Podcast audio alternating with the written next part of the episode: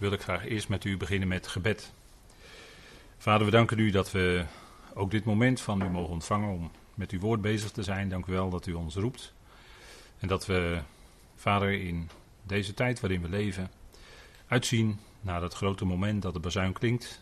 We danken u dat u zo duidelijk in uw woord daarover melding heeft gemaakt en dat dat onze heerlijke verwachting is. We danken u dat we daarna boven, te midden van de hemelsen mogen zijn.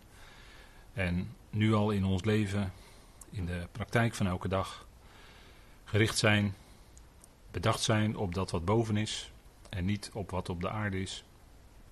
Dank u wel, Vader, dat u ons voor en toebereidt tot dat moment. Dank u wel voor dit moment dat u ons geeft. Weer leiden door uw Heilige Geest in dat wat we mogen spreken en wat we horen. We danken u dat u dat in ons hart wil uitwerken in ons leven. En dank u dat u een goede vader bent, dat we alles van u mogen ontvangen. We danken u daarvoor in de machtige naam van uw geliefde Zoon, onze Heer Christus Jezus. Amen. Goed, we lezen met elkaar uit uh, Colossense 3 en dat doen we vanaf vers 1. Indien jullie dan gezamenlijk opgewekt werden met Christus, zoekt wat boven is. Waar Christus is, aan Gods rechterhand zittend. Wees bedacht op wat boven is, niet op wat op de aarde is. Want jullie zijn gestorven en jullie leven is verborgen met de Christus in God. Wanneer Christus ons leven openbaar gemaakt wordt, dan zullen, dan zullen ook jullie met hem openbaar gemaakt worden in heerlijkheid. Breng dan ter dood jullie leden die op de aarde zijn, hoererij, onreinheid, hartstocht, kwade begeerte en de hebzucht die afgodendienst is, waardoor de verontwaardiging van God komt over de zonen van de weerspannigheid, onder wie ook jullie eens hebben gewandeld toen jullie daarin leefden. Tot zover het stukje waar we mee bezig zijn. En we zijn bezig met die eerste versen en daar hebben we de vorige keer met elkaar bij stilgestaan en daar wil ik graag nog wat met u over verder nadenken. We hebben gezien dat het gaat om zoeken en gezind zijn. Dat woord uh, wat we gelezen hebben in, dat, in de eerste versen is bedacht op. En er staat eigenlijk gezind zijn. Dat is een bekend woord. Dat, en dat heeft natuurlijk mede te maken met onze denkzin.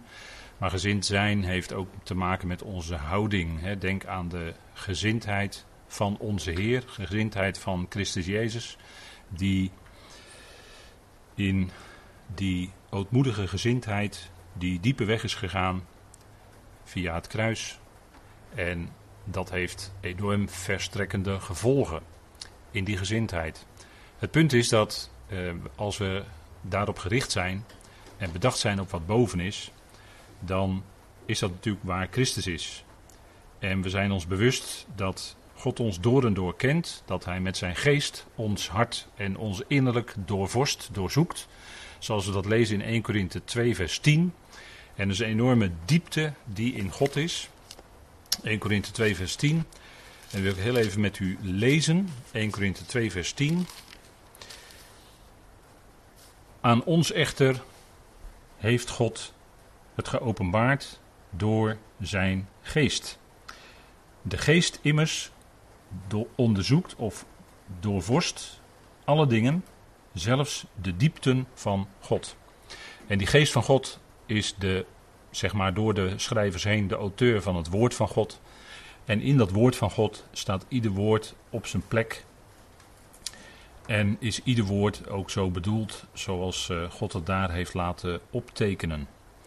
En uh, ja, we zijn wat dat betreft altijd heel nauwkeurig. Uh, we moeten ook nauwkeurig de grondtekst volgen. Hè. Dan, als ik denk aan het vertaalwerk, dan letten we op ieder detail, om het zo maar te zeggen, omdat God ons dat woord heeft gegeven en in detail ons ook dat woord wil laten weten. En er staat niet iets voor niets in de schrift. Ik denk bijvoorbeeld, als het gaat bijvoorbeeld om enkelvoud en meervoud, dan lijkt dat soms te vervagen.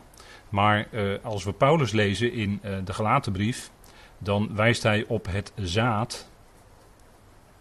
En als je het hebt over Abrahams zaad, dan zou je natuurlijk als oplettende bijbellezer kunnen zeggen: ja, Abraham heeft heel veel nakomelingen gekregen. Dus wij vatten dat zaad op alsof het er heel veel zijn.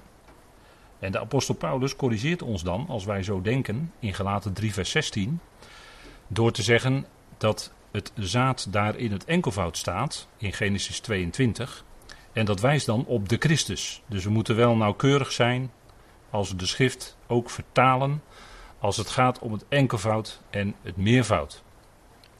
Uh, ik denk dat uh, de apostel Paulus bijzonder nauwkeurig was. Dit was een geleerde. Hij was uh, opgegroeid aan de voeten van Gamaliel. Dat was een groot geleerde in zijn dagen. We hebben daar onlangs in de studie Handelingen ook bij stilgestaan. En daarna heeft hij nog bijzonder onderwijs gekregen van de Heer zelf. Om te leren al wat in de schriften op de Christus betrekking had. En dat laat Paulus ook zien. En denk erom dat de Heer hem nauwkeurig heeft aangegeven hoe dat zit met die schriften en dat uh, zeker met Tenach, die Paulus al meende waarschijnlijk goed te kennen, maar hij had nog, toch nog wat extra onderwijs nodig van de Heer zelf. Om hem allemaal bij te stellen wat precies over de Christus gaat. En dat zeg ik in verband met wat ik net aanhaalde uit Gelaten 3 vers 16. Dat Paulus daar dus vaststelt dat het zaad van Abraham ten diepste om de Christus gaat. En zo zou je ook kunnen rekenen, hè, in analoog daaraan, bij het zaad van de vrouw, hè, in Genesis 3, vers 15. Uh, dan zou je ook kunnen zeggen, ja, Adam en Eva hebben enorm veel nakomelingen gekregen. Maar het gaat in Genesis 3, vers 15 om degene die zou komen. De laatste Adam namelijk, dat is de Christus. Dat is het punt, hè.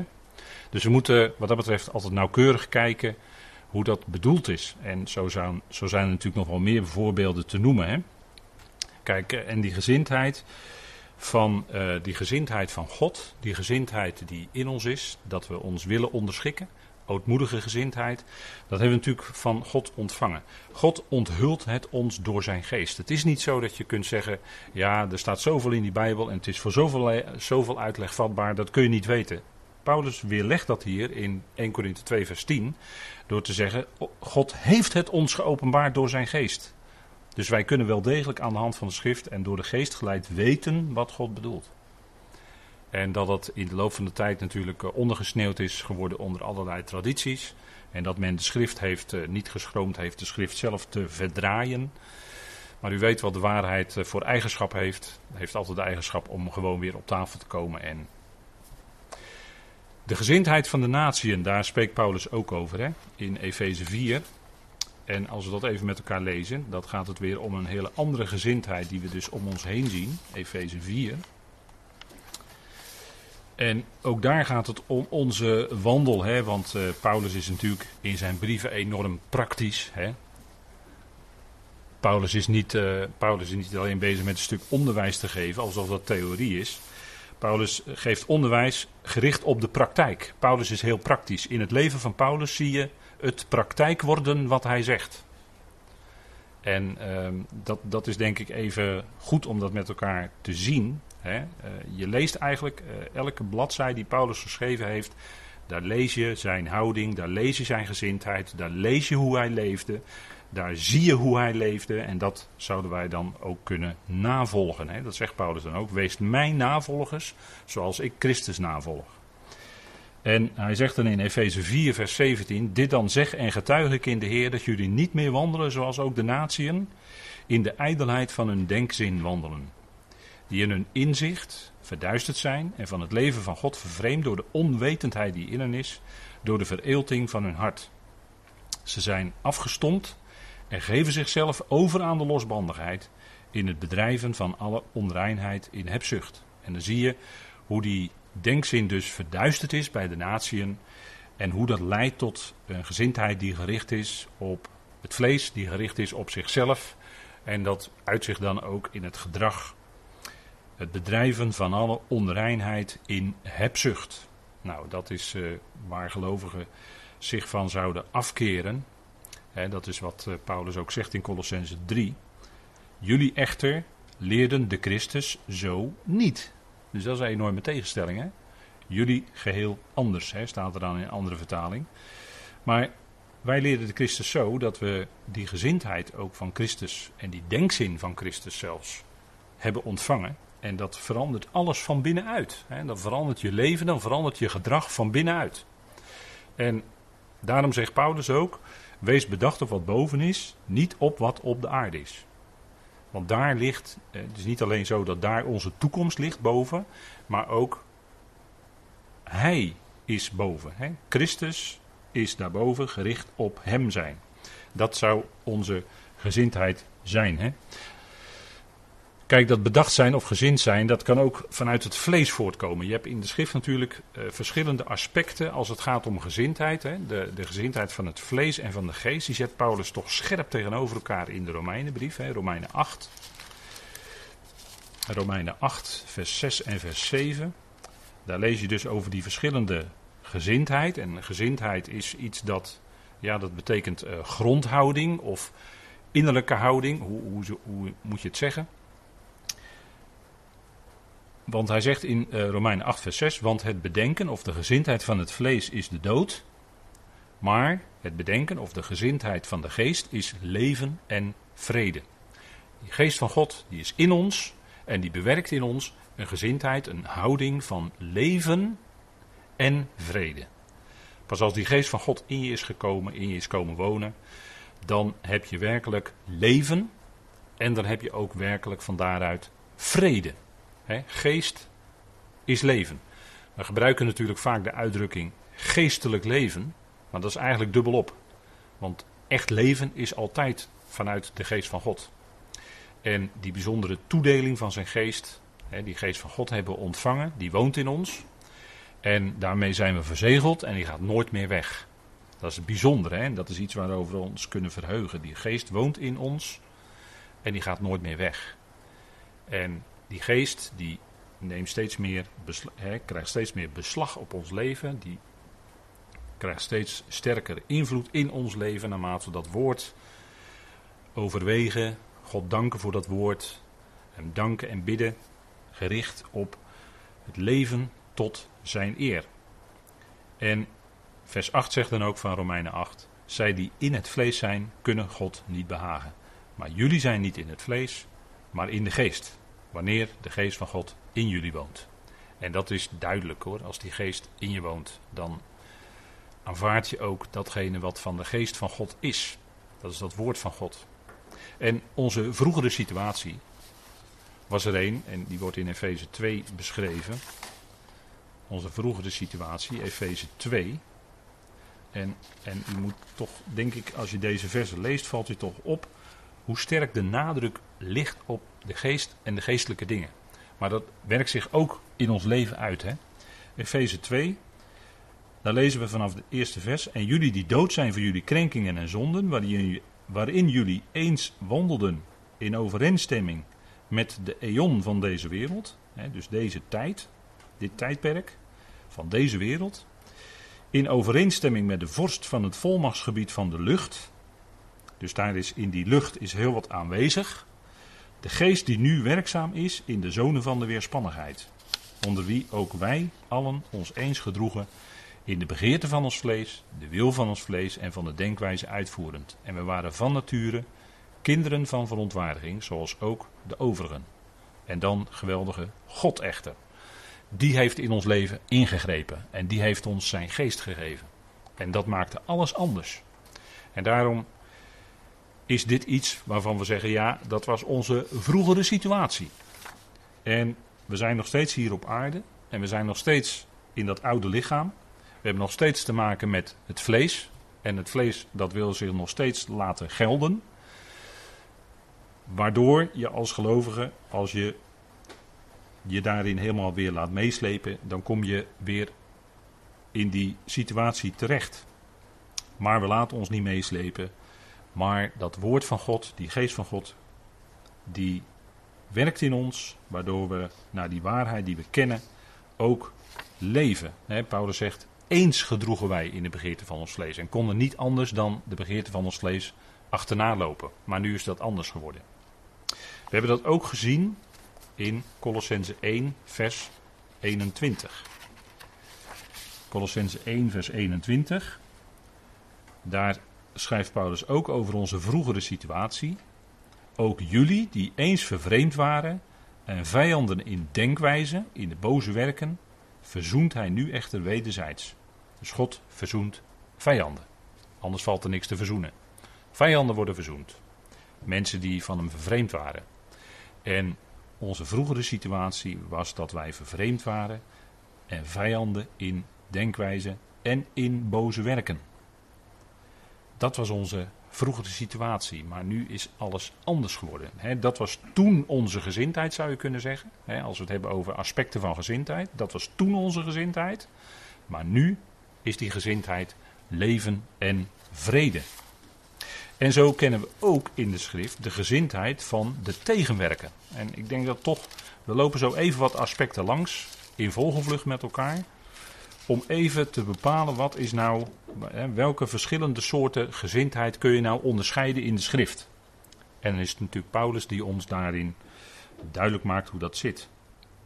In 2 eh, Korinthe 2 vers 11 zegt Paulus, want zijn gedachten, en dan heeft hij het over de tegenstander, want in vers 10 zegt hij opdat de Satan op ons geen voordeel zou behalen.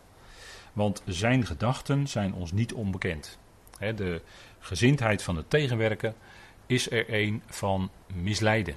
Is er een van verhinderen. En de tactieken die hij toepast, dan zijn het uh, mensen. hij werkt via mensen. En dan zijn het boodschappers. En dan lijkt het net boodschappers van het licht. Maar het is in feite misleiding. En dat kan ook juist in, in, juist in de, om het zo maar te zeggen, in het christendom of binnen het christelijk geloof, of hoe moet ik dat zeggen, zijn er uh, mensen bezig en dat lijkt allemaal dan net echt, maar dat is het niet. En uh, Paulus zegt daar iets over dat die, dat die uh, boodschappers die doen zich voor als boodschappers van het licht. Hè, 2 Korinthe, deze Korinthebrief en dan het 11e hoofdstuk. Vers 13 tot en met 15 met name spreekt hij erover. Dat, dat lijken dan boodschappers van het licht, maar dat is niet. En ze brengen je op een andere plek. En ze hanteren misschien de schrift, maar dan op een onjuiste manier. En daarom is het Paulus die ook tegen Timotheus de dringende raadgeving meegeeft dat hij het woord van de waarheid recht zou snijden. He, 2 Timotheus 2, dat bekende stukje. En dat Timotheus ook bereid zou zijn, en dat moest hij ook doorgeven aan anderen die dat kunnen, om de tegensprekers, he, dat zijn de, de mensen die anti spreken, dat zijn de in plaats van sprekers, he, die willen iets zeggen in plaats van wat Paulus werkelijk zegt en bedoelt. De tegensprekers, en daarvan zegt Paulus dat je die met zachtmoedigheid zou weerleggen. Maar wel weerleggen, natuurlijk met dat gezonde woord van de waarheid. En als het gaat om ja, misleiding, dan is dat, kan dat heel dichtbij zijn. Paulus stuurde bijvoorbeeld een Titus naar Kreta. Een Titus naar Kreta. Om daar ook naar mensen om te zien die dan als ouderen, hè, die, die als ouderen zijn, die in feite het al zijn, maar Titus moest dat herkennen. En dan wijst Paulus dat ook aan in Titus 1, vers 16. Dat er anderen zijn die uh, ja, dingen leren. Een profeet noemt hij in 1, vers 12. Hun eigen profeet heeft gezegd: Cretensen zijn altijd leugenaars, kwade beesten, luie buiken.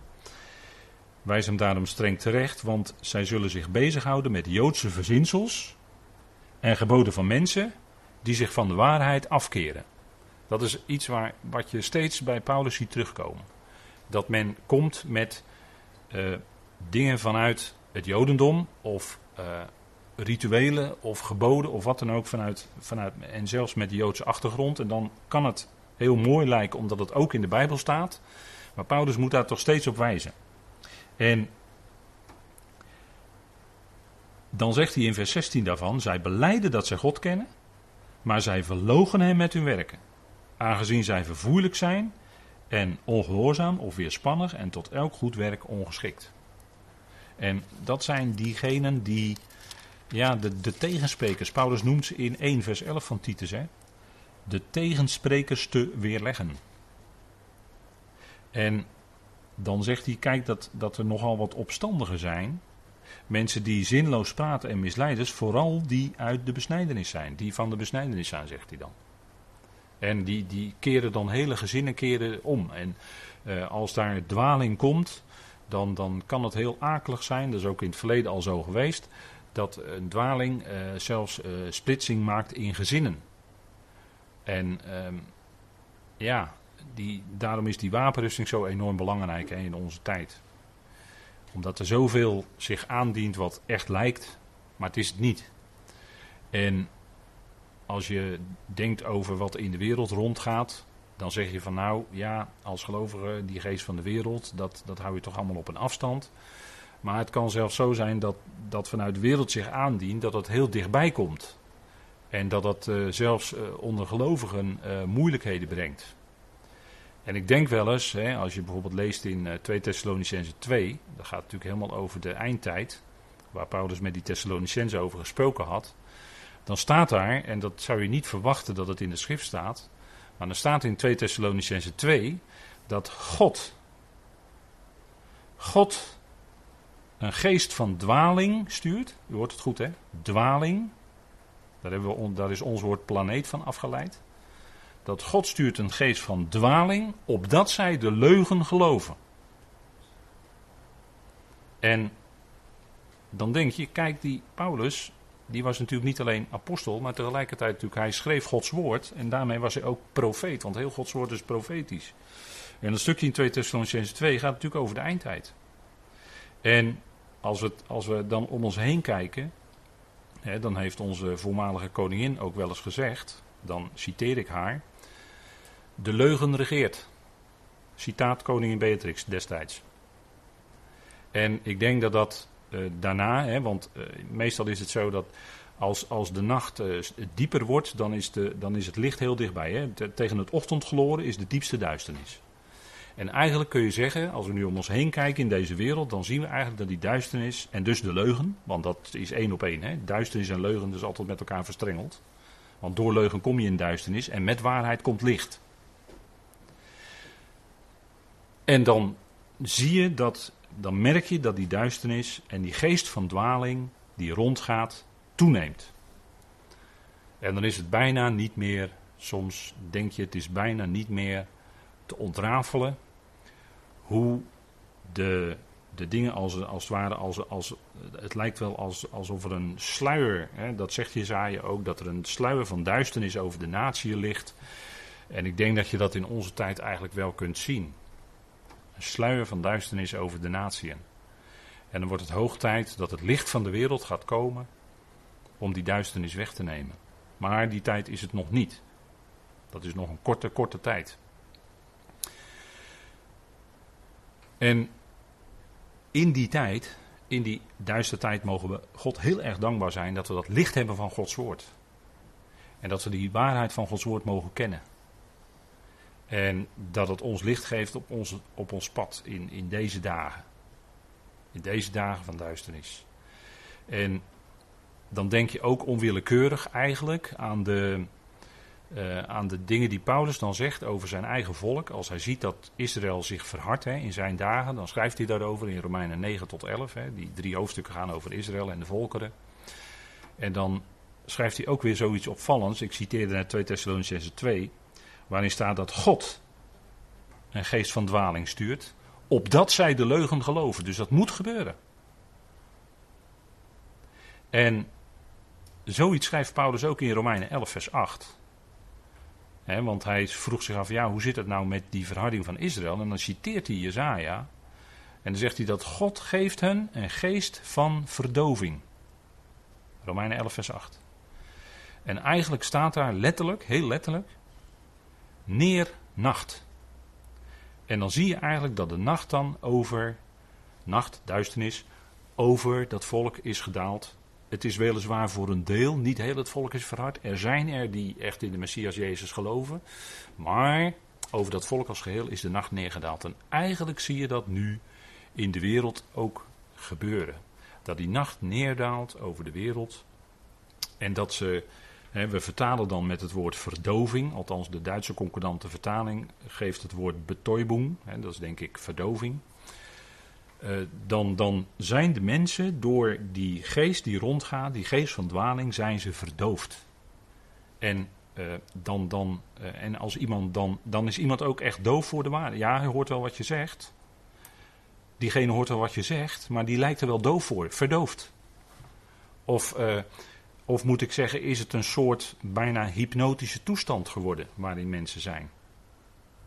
Dat lijkt wel. Soms denk ik dat wel eens. En dan denk ik, ach, ach. En het enige wat je kan doen, is ervoor bidden. En hier en daar misschien iemand die gezind zijn op die aardse dingen. Gezind zijn op wat hier beneden is. En de heer Jezus, die zei er iets over. Hè. We, we, denken nog even wat na over die gezindheid. Je kunt ook, hè, eh, Paulus zegt, wees bedacht op wat boven is. Niet op wat op de aarde is. En we kunnen ontzettend ons zorgen maken over bijvoorbeeld ons dagelijks eten. En natuurlijk, je moet, eh, je moet dagelijks aan de, kost, je moet aan de kost komen enzovoort. Dat is allemaal prima. Alleen je kan ook helemaal je hele leven door laten beheersen. En dat kan ook dan zelfs de vrede van je hart verstoren. Kijk, de Heer Jezus zegt. Kijk, die, die, die mensen uit de natie, zegt de Heer Jezus al tegen zijn eigen volk. Hè? Die mensen uit de natie die zoeken altijd naar uh, eten en kleding en noem alles maar op. En zegt: Kijk, die Hemelse Vader, en wijst hij, ik heb hier het plaatje van die anemonen opgezet. Dan wijst hij naar die veldanemonen en zegt: Kijk hoe prachtig Vader dat gemaakt heeft. En de vogelen van de hemel, daar zorgt Vader zelf voor. En jullie, kleingelovigen, wat maken jullie je dan zorgen over die dagelijkse dingen? Je, je bent je de hele leven ben je ermee bezig en wat maak je nou zorgen? En Paulus zegt zelfs in Filippenzen 4, en dat is voor ons, ja, dat klinkt zo, eh, hoe moet je dat nou zeggen? Dat klinkt zo radicaal, hè? Maar in, in Filippenzen 4, vers 6 en 7, wees in niets bezorgd. Maar laat in alles jullie verzoeken door gebed en door smeekbeden met dankzegging bekendgemaakt worden bij God. Waarom met dankzegging? Omdat we weten dat God, onze Vader, de zaken uitwerkt. Ook in deze wereld waar wij nu in leven. En waarin het best heel lastig, heel erg lastig is. En je heel erg beperkt bent. Maar laat al je verzoeken door gebed en door smeekbeden met dank bekendgemaakt worden bij God. En de vrede die al het denken, dat denken hè, oh dat denken, die denkzin, dat denken, dat gaat zo met ons vaak op de loop hè. En voor je het weet maak je je zorgen en dan betrap je erop dat je je zorgen maakt. En de vrede van God, gaat daar bovenuit, hè? die al het denken te boven gaat. Dat, dat heeft te maken met je gedachten. Zal jullie hart en jullie gedachten, en gedachten is het resultaat van denken, verzekerd bewaren in Christus Jezus. Hoe? Paulus geeft hier aan hoe dat dan werkt in de praktijk van ons dagelijks leven. En dan kun je zeggen, ja, het is heel menselijk om je zorgen te maken. Zeker, zeker. Maar als gelovigen hebben we toch die geweldige God leren kennen. God onze Vader. En we beseffen steeds meer, Hij zorgt. Vader zorgt voor. Die dingen waar wij elke keer weer tot de conclusie komen, onze handen, onze armen schieten tekort. We kunnen het niet regelen zoals we graag zouden willen. Nee, Vader regelt het zoals Hij dat wil. En dat is toch vaak anders dan hoe wij het zelf zouden. En dan zien we toch vaak dat vader het anders uitwerkt dan dat we dachten. Die gezindheid hè, hebben we het over. Die gezindheid dat je het kan overgeven aan die liefdevolle God en Vader, die het uitwerkt in uw, jouw en mijn leven. In ons leven. Kijk, die hele Filipense brief, dat is praktijk. Dat is praktijk voor ons dagelijks leven en als je dan de vraag hebt, hoe werkt dat dan uit in de praktijk? Lees dan Filippenzen, bestudeer Filippenzen, luister naar, eventueel luister naar studies. Maar het gaat om de schrift zelf, dus lees Filippenzen. En doe wat de apostel aanreikt. Hij zegt ook in vers 9, breng dat in praktijk en de God van de vrede zal met jullie zijn. Kijk, Filippenzen 4 vers 6 en 7 is natuurlijk mooie, prachtige woorden en Paulus geeft ons iets geweldigs aan. Maar als jij het niet doet, ja, dan moet je niet verbaasd opkijken dat er onrust en onvrede in je hart is. Eh, Paulus zegt, ja, breng dat in praktijk en de God van de vrede zal met jullie zijn. Dat is de belofte. Dus dat hij die vrede geeft in je hart, in je leven, in je denken, in je binnenste. En dat, dat, en dat bepaalt dan ook jouw gezindheid. En, en dat is wat we hè, als, als, als, ja, als, als, als werkelijke goede dingen in de brieven van Paulus lezen met elkaar. Hè, en niet alleen lezen, maar ja, dan stap voor stap in ons leven werkt zich dat uit. Hè? Kijk, Paulus zegt bijvoorbeeld als het gaat om die aardse dingen. Hè, we zijn bezig met bedenkt wat boven is, niet op wat op de aarde is. En dan zegt hij bijvoorbeeld in 1 Korinthe 7 tegen die Corinthiërs: Broeders, de tijd is beperkt. En hoeveel te meer geldt dat vandaag? Broeders, de tijd is beperkt, de tijd is kort. En dan zegt hij: Laten zij die. En dan noemt hij een heleboel dingen van het dagelijks leven. Die dat hebben, uh, bezig zijn met de dingen van Hem, alsof ze dat niet hebben. Natuurlijk heb je het en daar zorg je voor en noem maar op. Maar in feite zegt Paulus daarmee: laat het niet je hele leven en je denken alles overheersen. Nee, die God is er en die dienen we in ons leven in alles wat we doen. Want, zegt hij, het uiterlijk van deze wereld gaat snel voorbij. Het verandert, de dingen in de wereld veranderen heel snel. Het is eigenlijk voortdurend in verandering. En het wordt pas iets permanenter als dat duizendjarig rijk echt aan gaat breken hier op aarde. Maar daar zijn wij niet voor geroepen voor dat duizendjarig rijk op aarde. Onze roeping ligt boven, te midden van de hemelsen. En daarom zouden we anders kijken en, en anders in die dagelijkse dingen staan en zijn dan de mensen die dat niet hebben. We hebben net gelezen Efeze 4, het gedrag van de natieën. Jullie, jullie hebben de Christus zo niet geleerd. Nou, we hebben van Paulus een heleboel dingen mogen leren. Het uiterlijk van deze wereld, het schema van deze wereld, zegt Paulus dan, gaat snel voorbij. Dat zijn al die aardse dingen. Het gaat maar zo snel voorbij. En waarom zou je dan daar al je kostbare tijd in gaan stoppen? In al die aardse dingen. Doe wat, in feite zegt hij, doe wat noodzakelijk is. En zorg voor dat wat noodzakelijk is. En dat is in feite de, de lijn die hij aangeeft. Hè? En, en wat zijn we dichtbij dat moment dat hij komt.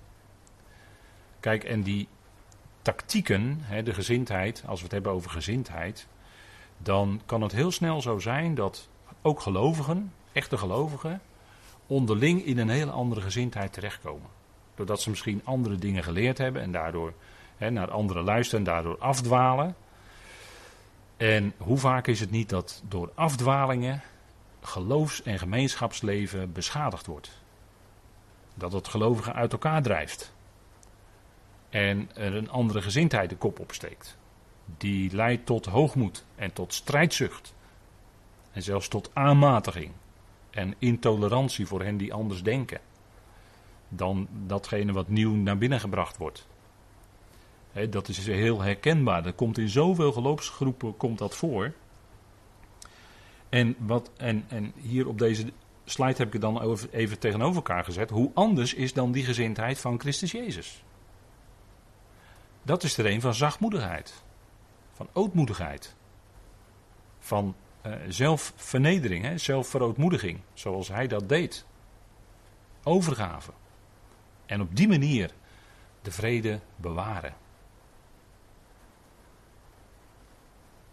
Kijk, zodra mensen in, in, in conflict zijn en ze, raken met elkaar in gesprek, dan wordt, uh, en, en ze willen van beide kanten niet toegeven, of ze willen van beide kanten, uh, dan is al heel snel uh, oneenigheid en dan krijg, je, dan krijg je heftigheid en dan krijg je stemverheffing en dan krijg je, noem alles maar op. En dat is wat vaak niet tot, tot vrucht leidt, dat is vaak vruchteloos.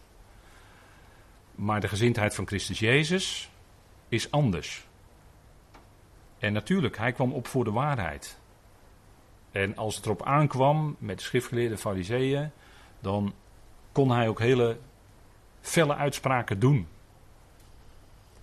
Maar zijn houding was er een van zachtmoedigheid, van ootmoedigheid. En in een proces waarin hij nou, dat was eigenlijk een schijnproces. Je kan niet eens een echt proces noemen. Een schijnproces wat er helemaal op gericht was hem veroordeeld te krijgen tot het kruis. Daar opende hij zelfs zijn mond niet. En hij zei tegen Pilatus: Pilatus, je hebt alleen maar volmacht over mij, omdat je dat van boven hebt gekregen. En hij liet zich toch in die volmacht van zo'n Pilatus overgeven en zelfs aan een kruis nahalen. Dat is wat, dat is wat. Dan kun je zeggen dat het was één dag, ja, maar wat, wat een dag was dat. En wat enorm diep is het lijden aan dat kruis geweest. En hoe alles beslissend is datgene geweest wat hij deed aan het kruis. Paulus heeft het daarover in al zijn brieven. En de apostelen van de besnijdenis die spreken daar niet over. Dus dat is echt alles beslissend geweest, die ene dag. En dat kun je niet zomaar even makkelijk over spreken. Paulus die spreekt, ook in de Colossensebrief hebben we dat besproken met elkaar. Diverse punten, hoofdstuk 1, hoofdstuk 2, heeft hij gesproken over het kruis en de betekenis van het kruis en de consequenties daarvan. En daarover heeft hij het ook in Colossense 3. Hè? Colossense 3, dat, dat delen wij dan zo in. Dat gaat helemaal over onze wandel, zeggen we dan. Dat is ook zo. Maar die hele Colossensebrief, als het daarover gaat, hè, die, dat hele onderwijs wat Paulus geeft, dat is gericht op ons leven, op onze wandel. Dat we wandelen kunnen in vrede. Maar dat kun je pas als je weet hebt van die verzoening van hoofdstuk 1. En dan kun je dat ook leven. Vrede. Echte ware vrede en echte ware eenheid is er alleen op basis van het kruis. En anders niet. Dat zegt Paulus toch in Efeze 2? Dat hij die twee groepen één maakt. Hoe? Door zijn dood aan het kruis, de vijandschap daaraan, daarin dodend, tussen die twee groepen, gelovig uit de Joden en gelovig uit de natie. Dat is door het kruis. Dus dat is de enige basis voor werkelijke vrede onder gelovigen. En, daar, dat, dat is, en dat is het punt. En daarom is dat evangelie wat de apostel Paulus brengt ook zo moeilijk voor gelovigen. En vaak ook zo moeilijk te verstaan. Omdat het de diepe consequenties van de kruisiging en de opstanding van onze Heer laat zien voor ons dagelijks leven, ja. Voor de praktijk. En deze twee gezindheden die op deze slide staan, dat is daarvan de uitwerking. Die gezindheid van Christus Jezus. Dat is als je diep bewust bent dat ook jij en ik samen met hem mede gekruisigd werden. Die oude mensheid, die is met hem mede gekruisigd.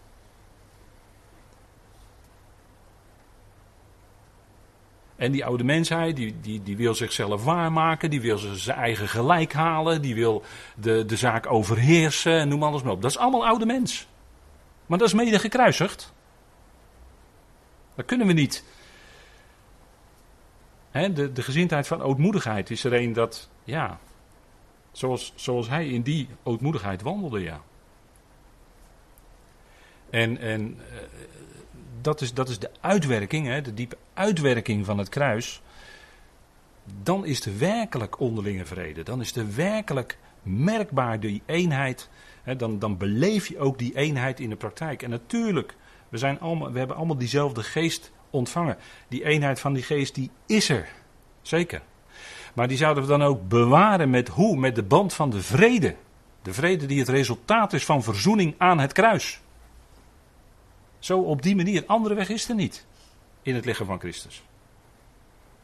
En anders is het allemaal surrogaat. Allemaal is, eh, anders is het allemaal humaan vanuit de mens zelf. Maar vroeg of laat zakt dat er doorheen, door het ijs. Dat, dat kun je niet volhouden. Mensen kunnen heel humaan en heel goed bedoelend en heel humanistisch bezig zijn. Maar als het niet gebaseerd is op, op de dood en opstanding van onze Heer, dan op den duur gaat het, gaat het, dat, loopt, dat loopt scheef, dat loopt spaak, dat gaat mis. Net als, zoveel, net als zoveel onder mensen misgaat. Waarom? Omdat die oude mensheid is. Met dat, met dat vlees, dat is hopeloos verdeeld. Verdeeldheid is altijd naar het vlees. Dus de, de ootmoedigheid, de zelfvernedering, de zelfverootmoediging, de overgave. Filippenzen 2, dat hebben, we, dat hebben we behandeld destijds. En natuurlijk, dat hebben we behandeld, ja, maar het is goed om dat te herlezen en daar steeds weer bewust te zijn. Dat het daarom gaat, als gelovigen. Paulus zegt dan ook in 1 Corinthe 14: Wees onmondigen in het kwaad. Maar wees in gezindheid en in denken gerijpt. Zegt Paulus juist tegen die verdeelde Corinthiërs, die vleeselijke Corinthiërs, waarvan hij moest zeggen: Jullie zijn nog onmondigen in Christus. Jullie zijn nog vleeselijk. Dan zegt hij als, als aanwijzing voor, voor die gemeente, maar dat kunnen we altijd natuurlijk zonder meer ook wij ter harte nemen. Wees onmondig in het kwaad, wees een kind in het kwaad. Maar wees in de gezindheid en in het denken gerijpt. Dat is de denkzin van Christus Jezus. Dat is leven, vrede, beleidschap, liefde.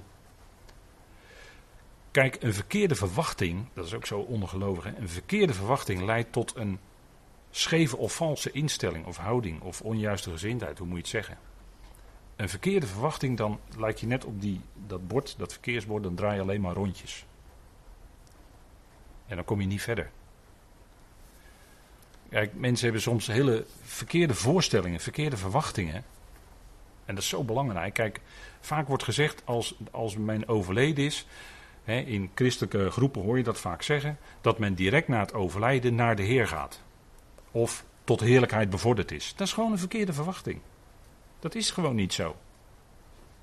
De, de schrift maakt duidelijk dat als men dood is, is er geen bewustzijn meer. Die ziel is dood. Die is er niet meer. Hades, Sheol, hoe je het zeggen wil. Is er gewoon niet meer. Tot het moment dat die bazuin gaat, de dag van de opstanding. En dan is er weer dat bewustzijn, direct. En voor de overledene in de ervaring is het alsof het een seconde is. Maar als dan gedacht wordt dat diegene nu in heerlijkheid is bij de Heer, dan, dan hoor je gewoon de inconsequentie. Want als je dan 1 Thessalonicense 4 leest, ja, dan, dan loop je natuurlijk vast. Want dan, dat is het moment van de opstanding. Dat is het moment dat die gestorven in Christus opstaat en zich weer bewust is. Mensen verwachten ook bijvoorbeeld de oprichting van het koninkrijk van Jezus Christus op aarde. En dat ze dan koning en priester zullen zijn. Dat is voor ons als gelovigen ook een verkeerde verwachting. Dan ga je je voorbereiden op, op verkeerde dingen. Die de Heer niet beloofd heeft aan het lichaam van Christus. Maar die heeft de Heer beloofd aan Israël. Dat is heel belangrijk dat je die lijnen goed uit elkaar houdt. Anders zit je in de verkeerde verwachting. En dan kun je denken van ja, um, hè, mensen verheugen zich er dan dat ze in de duizendjarig rijk met Israël het Loofhuttenfeest zullen vieren. En christen gaan nu al het Loofhuttenfeest vieren en noem alles maar op. Dat is allemaal verkeerde verwachting. En dan zijn ze met die dingen heel druk bezig. En met andere Joodse inzettingen. Hoe goed, hoe goed ook, als het voor, voor Israël bedoeld, hoe goed ook. Het is, dat is ook Gods woord. Maar dat is niet voor ons bedoeld. En dan zie je eigenlijk dat ze bezig zijn in, in rondjes te draaien. Deze dia. Ze draaien in rondjes, ze komen niet verder. Want als je tegen die mensen iets wil aanreiken van, van het evangelie van Paulus, dan is het niet thuis. Maar ze vinden het wel heerlijk en geweldig om met zo'n loelaf ook, uh, en noem alles maar op.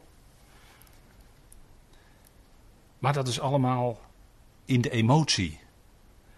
En dan hoort u het woord ziel, als ik dat zo zeg. Dat is allemaal in de ziel. En dat is ook precies waar Petrus het over heeft. Dat is precies waar de Heer Jezus het ook over heeft.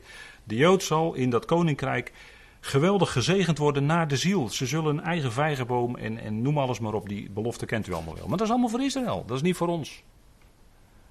En wij zijn geen koning en priesters, want dan ga je weer aan de vervangingstheologie. Hè? Dat noemt Ouweneel dan het supersessionisme met een moeilijk woord. Hè? Maar dat is de vervangingsleer. Daar kom je dan weer in terecht. Maar daar hebben we toch wel de gevolgen van gezien in de afgelopen 2000 jaar. De vervangingstheologie. Nee, de gemeente is niet in de plaats van Israël gekomen. De gemeente heeft haar eigen plaats. En straks boven te midden van hemelsen. En Israël op aarde. Nou, prima toch? Daarom wees bedacht, wees gezind op dat wat boven is. Want, zegt Paulus, je bent gestorven. En toch leef je. Dat zegt hij wel vaker. Hè? Dat is het wonderlijke. Je bent gestorven. Dat is natuurlijk figuurlijk gesproken. Hè? Er wordt het woord sterven figuurlijk gebruikt bij Paulus. En toch leef je. Maar dat is dan niet meer ik. Dat is niet meer dat oude ego, dat oude ik. Maar dat is dat nieuwe leven van Christus. Vandaar Christus, hè, dat zegt hij in Colossense 3, vers 3 Christus die ons leven is. Vers 4, hè? Wanneer Christus ons leven openbaar gemaakt wordt. Dus Christus is nu ons leven. Dat is een prachtige samenvatting van wat ons leven allemaal inhoudt. Dat kun je samenvatten onder de term Christus. Hij, zijn leven. Hij, zijn leven, zijn geest werkt in ons. Christus is ons leven. En dat is pas echt leven.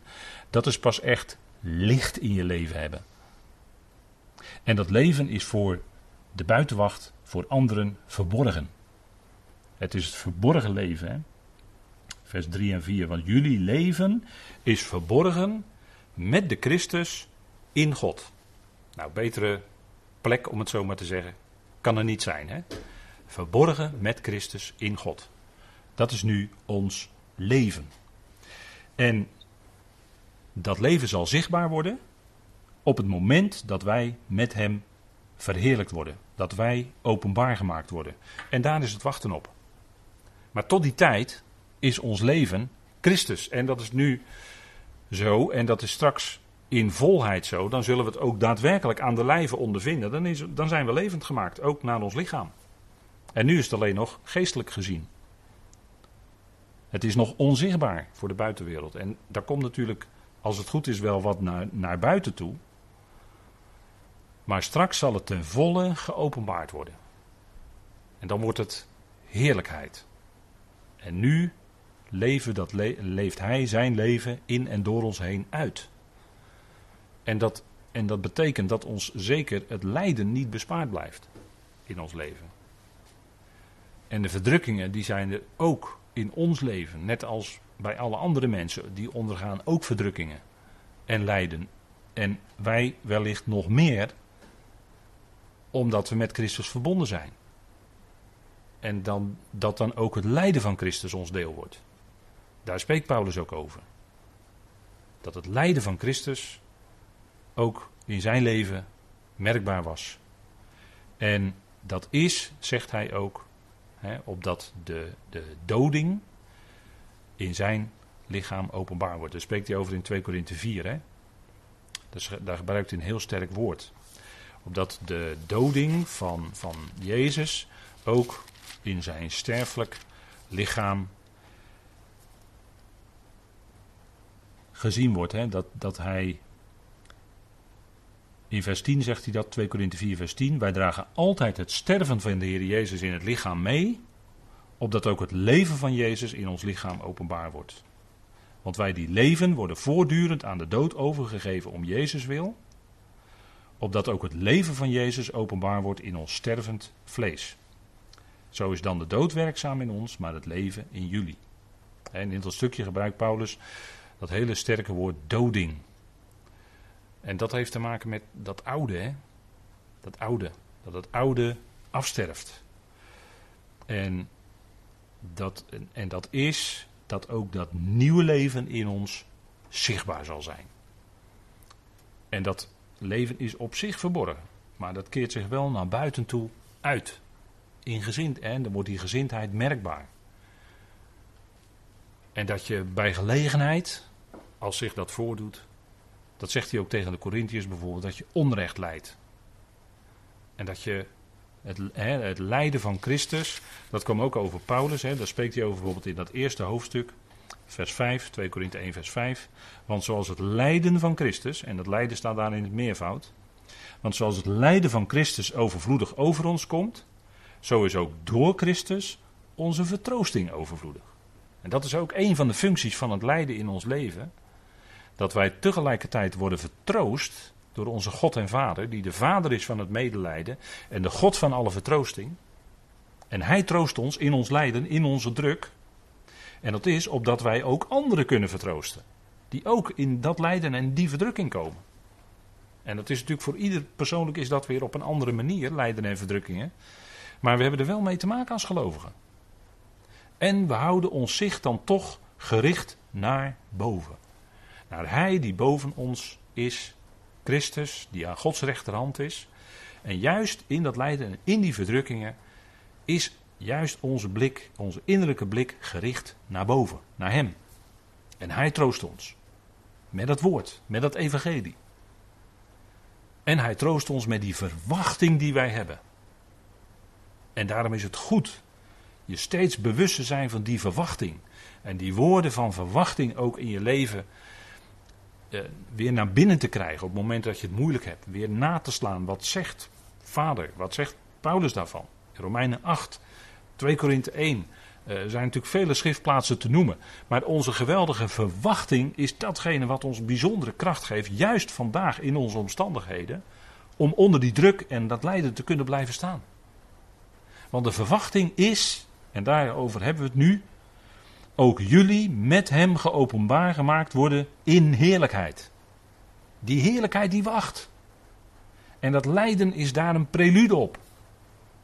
En Paulus zegt in 2 Korinthe 4 aan het eind zelfs dat het lijden kortstondig is zelfs. En zelfs, en dat lijkt heel raar als hij dat zo zegt, maar dan zegt hij dat het licht is. De lichte last van een verdrukking van een ogenblik, zo noemt hij het. Maar dat bewerkt, dat bewerkt, dat woord staat er, hè, er staat een heel mooi woord daar, vrij sterk woord ook. Maar dat bewerkt in ons een alles overstijgend eonisch gewicht aan heerlijkheid. Kijk, dat gaat het opleveren. En heerlijkheid heeft te maken met licht. Licht. En, en dat zal geweldig zijn als, als we dat ook lijfelijk zullen ervaren. Maar nu al hebben we dat licht van het woord in ons. En dat is dat verborgen leven. En dat voedt ons verborgen leven. En dat hebben we zo nodig, ook juist in deze tijd. Om je te voeden met de woorden van het geloof en het uitstekende onderricht van Paulus. Omdat je gesterkt wordt. Het is geen makkelijke weg. En misschien zegt u wel, ja, we zijn er bijna. Dat geloof ik ook, we zijn er bijna. Nog even. tot die tijd geeft hij de kracht. Goed, zullen we even met elkaar pauzeren?